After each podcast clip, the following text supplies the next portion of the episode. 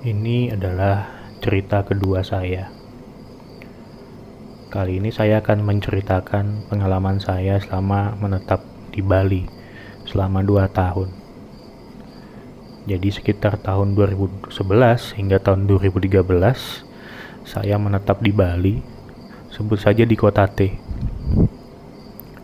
Kebetulan waktu itu saya mengikuti sebuah program MT pada sebuah perusahaan dan setelah menjalani pelatihan di beberapa kota di Jawa, saya ditugaskan untuk menempati sebuah cabang di kota T tersebut. Saya bisa dikatakan buta mengenai Bali saat itu.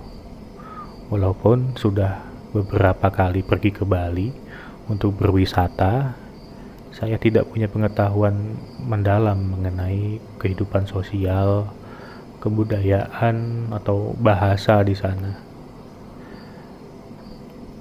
Di hari pertama saya bekerja di sana, saya berpikir saya harus segera mendapatkan tempat tinggal atau kos, karena saya waktu itu di hari pertama tinggal di hotel yang selain cukup jauh dari kota, dari kota T biayanya juga cukup mahal. Dan cukup sulit mencari kos di sana karena hampir semua kos hanya menyediakan kamar kosong tanpa dipan atau lemari. Dan baru hari kedua dengan diantarkan oleh teman kerja saya waktu itu sepulang kantor saya mendapatkan rumah yang menyediakan kamar kos lengkap dengan dipan, kasur, lemari, meja, kursi, bahkan ada terasnya. Lokasinya juga termasuk di area pusat kota walaupun daerahnya cukup sepi. Dan saya langsung setuju untuk menempati rumah itu karena terlihat nyaman, hijau, banyak pepohonan dan harganya yang sangat murah hanya 250.000 pada waktu itu. Dan tuan rumahnya pun sangat ramah. Jadi saya langsung uh, setuju untuk menempati rumah itu. Belakangan saya ketahui rumah itu adalah milik hmm, bisa dikatakan bangsawan atau keluarga yang berkasta cukup tinggi di Bali. Rumah tersebut sangat luas sekali, terdiri dari empat pavilion, yaitu bangunan utama yang dihuni keluarga pemiliknya, kemudian ada pavilion tempat saya tinggal, ada pavilion yang berisi kamar dan kamar mandi dan dapur yang letaknya di kiri saya, di kiri pavilion saya. Dan ada uh, pavilion yang berupa pendopo untuk menaruh peralatan upacara adat yang letaknya ada di seberang kamar saya. Pavilion tempat saya tinggal uh, sendiri terdiri dari enam kamar yang posisinya berderet dengan masing-masing kamar memiliki teras untuk menerima tamu. Uh, pavilion ini dulunya adalah tempat tinggal untuk pembantu, penjaga, atau tukang kebun di rumah itu. Tapi karena kondisi ekonomi yang berubah, pekerja-pekerja itu pindah dan akhirnya kamarnya disewakan. Hingga akhirnya koper-koper saya tiba di hotel, tiba dari hotel, ke rumah itu jadi saya langsung masukkan barang-barang saya dari koper ke lemari yang ada di kamar dan setelah selesai saya duduk santai di depan kamar sambil menunggu waktunya maghrib. Setiap uh, teras di pavilion tersebut dibatasi tembok setinggi hanya satu meter di antara setiap kamarnya. Jadi saya bisa melihat uh, tetangga kamar sebelah kiri saya. Ada waktu itu perempuan cantik sekali uh, lagi bersandar di tembok dekat pintunya pintu kamarnya dia. Pakaiannya putih. Ya kain begitu ya.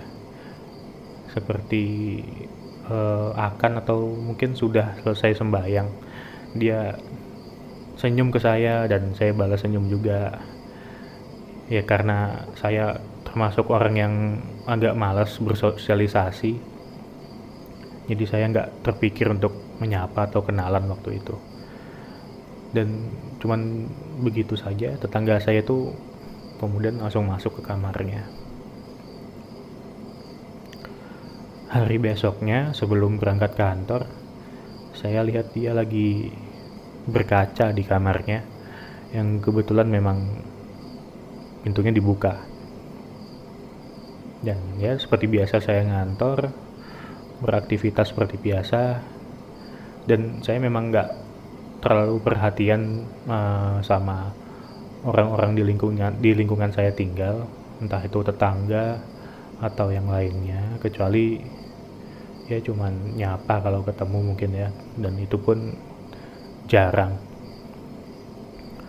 Mungkin sampai 4 atau 5 hari kemudian uh, waktu saya lagi santai di depan kamar ada ibu penjaga kos ibu ya mungkin dia pembantu rumah tangga ya bisa dibilang. Pembantu rumah tangga di rumah itu saya lihat lagi ngomel-ngomel sendiri di depan kamar sebelah kanan saya itu. Mengeluh kenapa pintunya selalu kebuka? Dan ya padahal sudah dikunci tapi selalu kebuka. Dan posisi kursi di kamar itu yang sering pindah-pindah. Dia seperti uh, khawatir ada maling atau ada ada penghuni kos yang nakal begitu sepertinya. Saya tanya ke dia lah penghuni ke mana mbok? Saya tanya begitu. Kata dia ini kamar udah hampir setahun kosong mas katanya. Lah setahun kosong? Lah bukannya ada cewek yang nempatin? Saya tanya lagi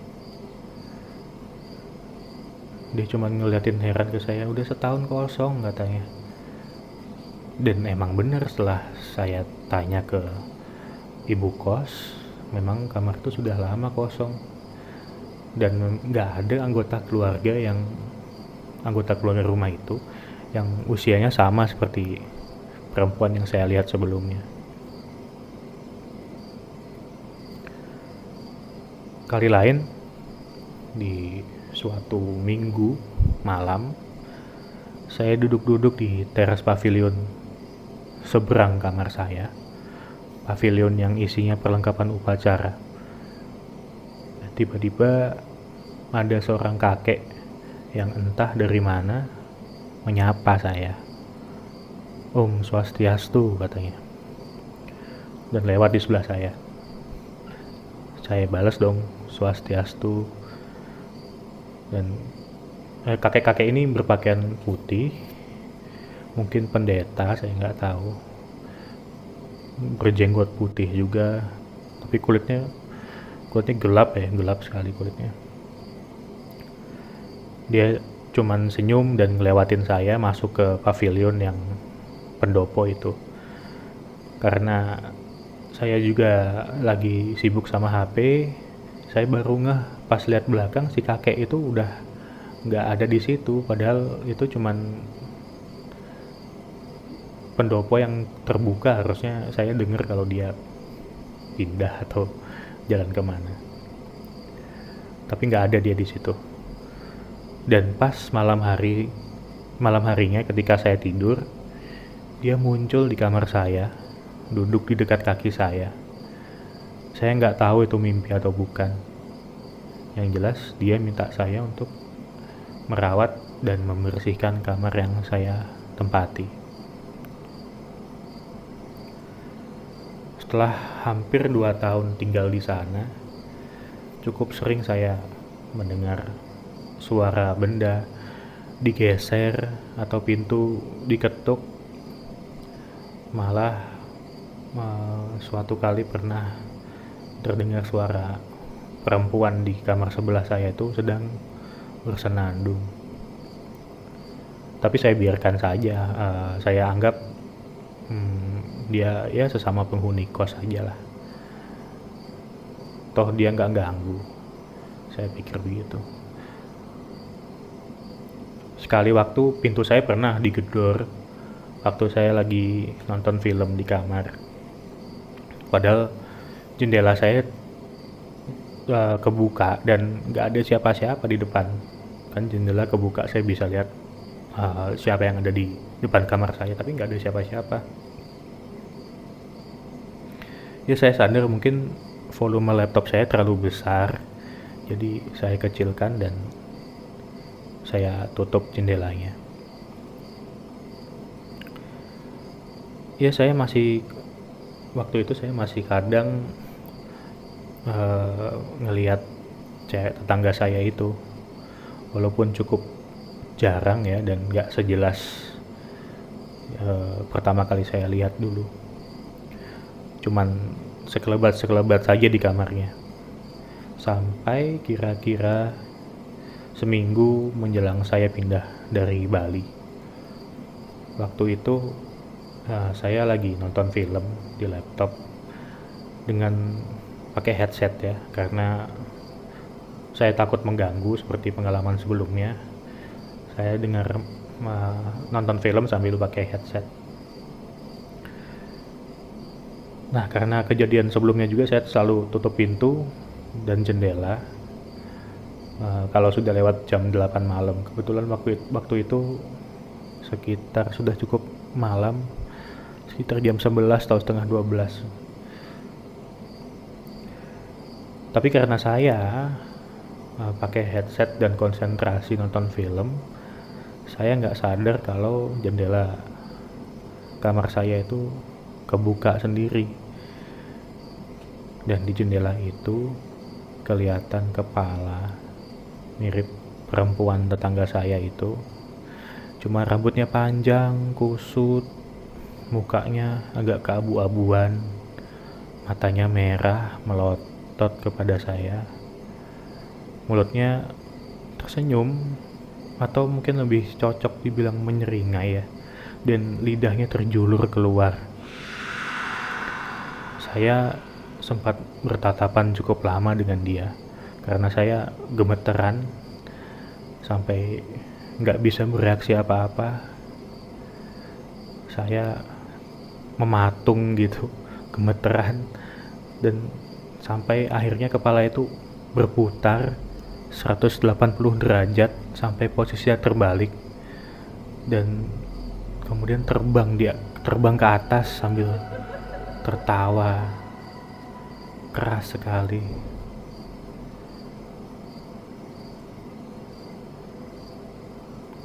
Sampai akhirnya Hamin satu kepindahan saya dari Bali. Di sore hari bapak kos saya si tuan rumah duduk-duduk di pavilion seberang kamar saya.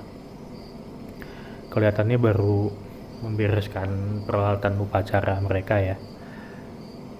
Ya saya samperin uh, saya samperin dia sekalian ngobrol dan pamitan bahwa besok saya pulang mungkin saya akan langsung pulang.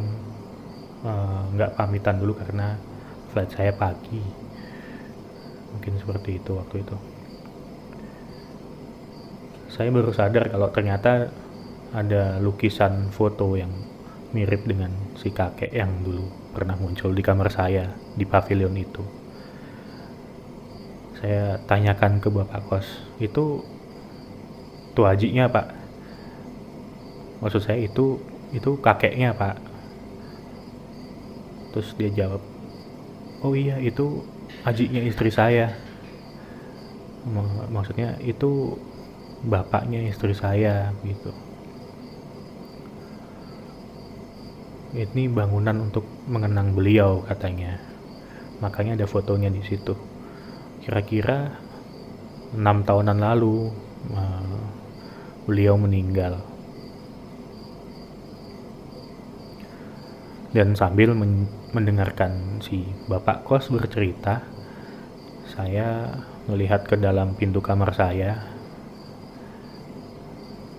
yang terbuka di mana si kakek saat itu ternyata sedang duduk di tempat tidur saya.